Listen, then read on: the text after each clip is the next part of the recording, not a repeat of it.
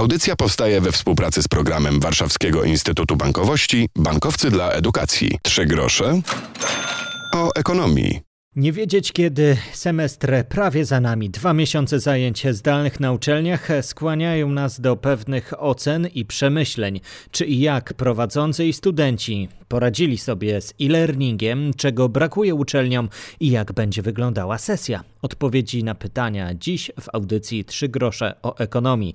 Dzień dobry, Piotr Topuliński. Zaczniemy jednak od przeglądu prasy. W trzeci etap odmrażania gospodarki poobijana wchodzi branża fryzjerska. Jej zadłużenie w rejestrze dłużników BIG w marcu wynosiło ponad 86 milionów złotych.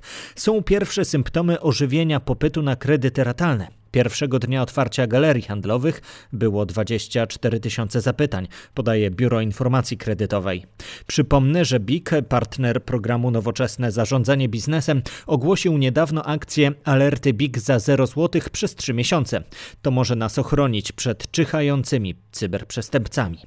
Na Politechnice Łódzkiej powstała próbna sieć 5G. Projekt o charakterze badawczym finansuje Ministerstwo Rozwoju. Przenosimy się do innego regionu Polski podkarpacki e-Bazarek odwiedziło już 150 tysięcy osób. Internetowa platforma pośredniczy w obrocie produktami rolnymi i to też promocja lokalnych towarów. Polacy rzucili się na przyszłe wakacje, pisze Puls Biznesu. Biura podróży organizują ofertę na lato 2021 roku.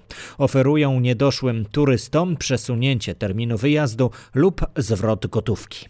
Trzy grosze o ekonomii. Zanim rozpoczną się wakacje lub e-wakacje, to czas na sesje i e-sesje. Jak prowadzić ciekawe zajęcia, co najbardziej przeszkadza studentom. O tym za chwilę. Zacznijmy jednak od dobrych przykładów. Profesor Tomasz Kopczewski z Wydziału Nauk Ekonomicznych UW od 15 lat już prowadzi zajęcia e-learningowe. Jak podkreśla, to nie sucha prezentacja i test, tylko streaming. Barierą nie powinny być uczelniane serwery, bo to nie jest problem. To też nie jest tak bardzo trudne. Technika nie jest dla mnie celem. To znaczy, mam pewną ideę nauczania ekonomii. Jak się można przyjrzeć, to z, z jak wiedzą ekonomiczną jesteśmy na bakier. Ja robię takie nauczenie przez eksperymenty. Moje zajęcia wyglądają czasami w ten sposób, że po prostu moi studenci otwierają laptopy albo wprost skanują kody z prezentacji mojej PowerPointa i po prostu gramy, a później przerabiam to w erze, żeby mieć od razu wyniki. To jest proste, to nie jest tego, tylko że nie ma chęci. I to nie mówię o tym, że to na, na uniwersytecie jeżdżę po różnego rodzaju konferencjach poświęconych wprost nauczaniu ekonomii, Moje rozwiązanie jest, nie wiem, cztery długości do przodu w stosunku do każdego dowolnego kraju na świecie. Nie mam kłopotu z obsadą mojego kursu na komę dla, dla 100, 100 osób i, i, mam ciągłe zapytania o to, czy, czy można się dopisać. Ja mógłbym robić to dla 250 nawet osób. Problem chyba polega na tym, że z, brakuje właśnie zakończenia. To znaczy zrobiliśmy kilka takich klocków, które po prostu nasza praca hobbystyczna.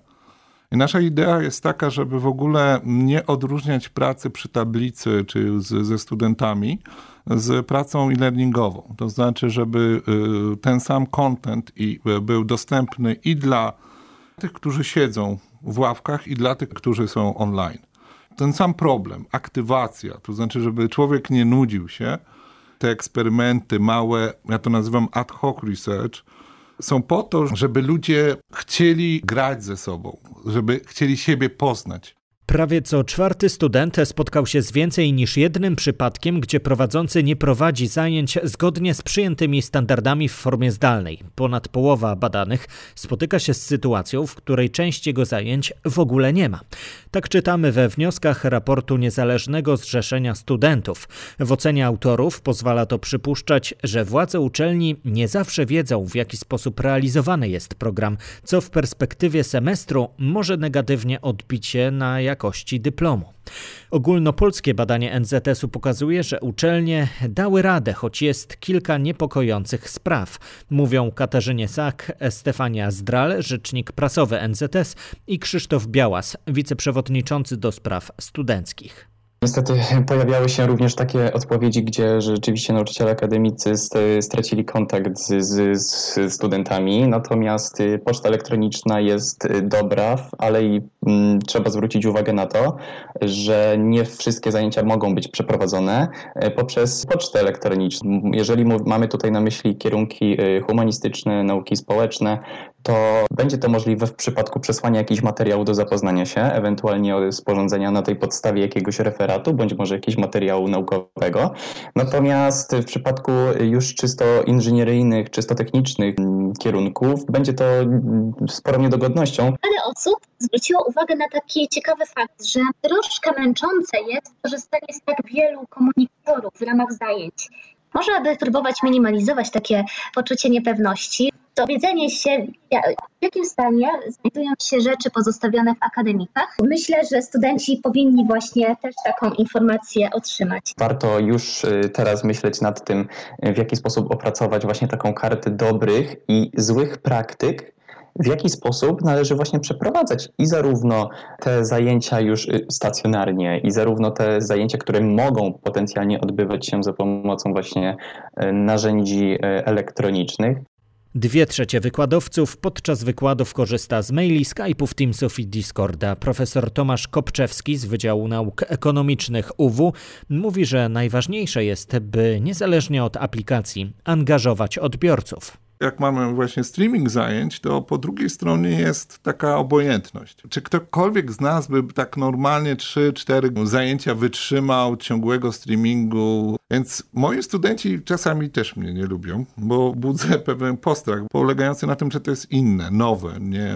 Tego ja eksperymentuję sobie ze studentami i mówię to im od razu na samym początku, posłuchajcie, to są jedyne w swoim rodzaju, jedyne na świecie tego typu zajęcia i przepraszam was, że będziecie się z mojego powodu stresować, bo tu jest wszystko płynne. Ja może przesadzam, ale wiem, że swoją dawkę wiedzy przekażę wam, ale też to jest proces, który bardziej jest nakierowany na takie tworzenie ciekawości świata, nauki, niż to, że od strony do strony. Ekonomista zachęca, by nie korzystać z centralnych rozwiązań, bo paść może przeciążony serwer. Zdaniem eksperta każdy wydział powinien przerzucać zajęcia do sieci, ale niekoniecznie według planów w USOSie sztywno, lecz by to były na przykład nagrywane zajęcia dla dużych grup.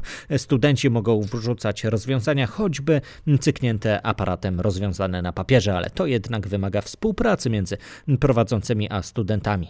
Z profesorem Tomaszem Kopczewskim rozmawiała Justyna Justyna Pokojska. Za chwilę przyjdzie czas egzaminów i e, to też będzie nietypowa sesja. Jednym ze sposobów e, przeprowadzenia testów będzie rozbicie sesji na kilka części. Tak będzie na niektórych uniwersytetach.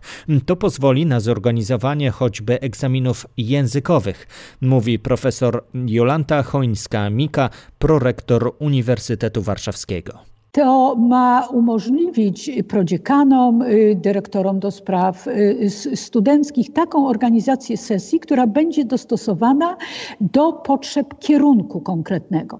Bo nawet w obrębie jakiegoś wydziału, który realizuje kilka, kilkanaście programów, sytuacja różnych kierunków jest różna. Te kierunki, które miały program oparty na zajęciach, nazwijmy to nielaboratoryjnych, to wiadomo, że mogły się odbywać zdalnie. Ale już jak wkraczał komponent praktyczny, już były problemy. W związku z tym będą takie różnice.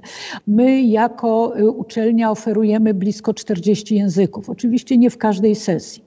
Inna jest sytuacja, gdy są tak zwane małe języki do egzaminów, z których y, przystępuje kilka osób, kilkanaście zorganizowanie dla małej grupy osób takiego egzaminu jest znacznie prostsze. Jaka jest jeszcze z tym rzecz związana? Nasze egzaminy mają walor certyfikacyjny, to znaczy dostają Państwo nie tylko zaświadczenie, że zdali jakiś egzamin, ale że ten egzamin spełnia warunki międzynarodowe wpisane w ramę kształcenia językowego, poziom B1, B2, C1 i tak dalej. Przeprowadzenie takich egzaminów, które by doprowadziły do sprawdzenia, do weryfikacji efektów zgodnych z tymi oczekiwaniami międzynarodowymi dla egzaminów wielkich, jest potwornym wyzwaniem. Bo to jest kilka tysięcy osób. Więc my chcemy, tak jak pozostaje w kontakcie z Radą Certyfikacyjną, po pierwsze rozłożyć w czasie, żeby w tej sesji przystąpiły tylko, ja mówię o angielskim, który tym dużym języku, przystąpiły przede wszystkim osoby, które są na trzecim roku studiów, którym potrzebny jest ten egzamin do ukończenia studiów.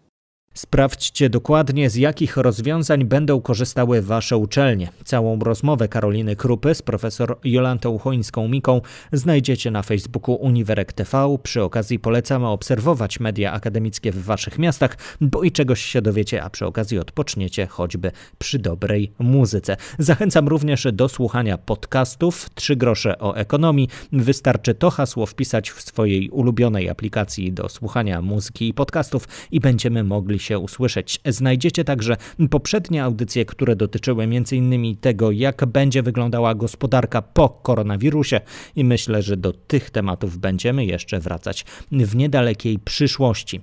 Powodzenia z nauką, już teraz trzymam kciuki za Wasze przyszłe e-sesje. Piotr Topoliński, do usłyszenia. Audycja powstaje we współpracy z programem Warszawskiego Instytutu Bankowości Bankowcy dla Edukacji.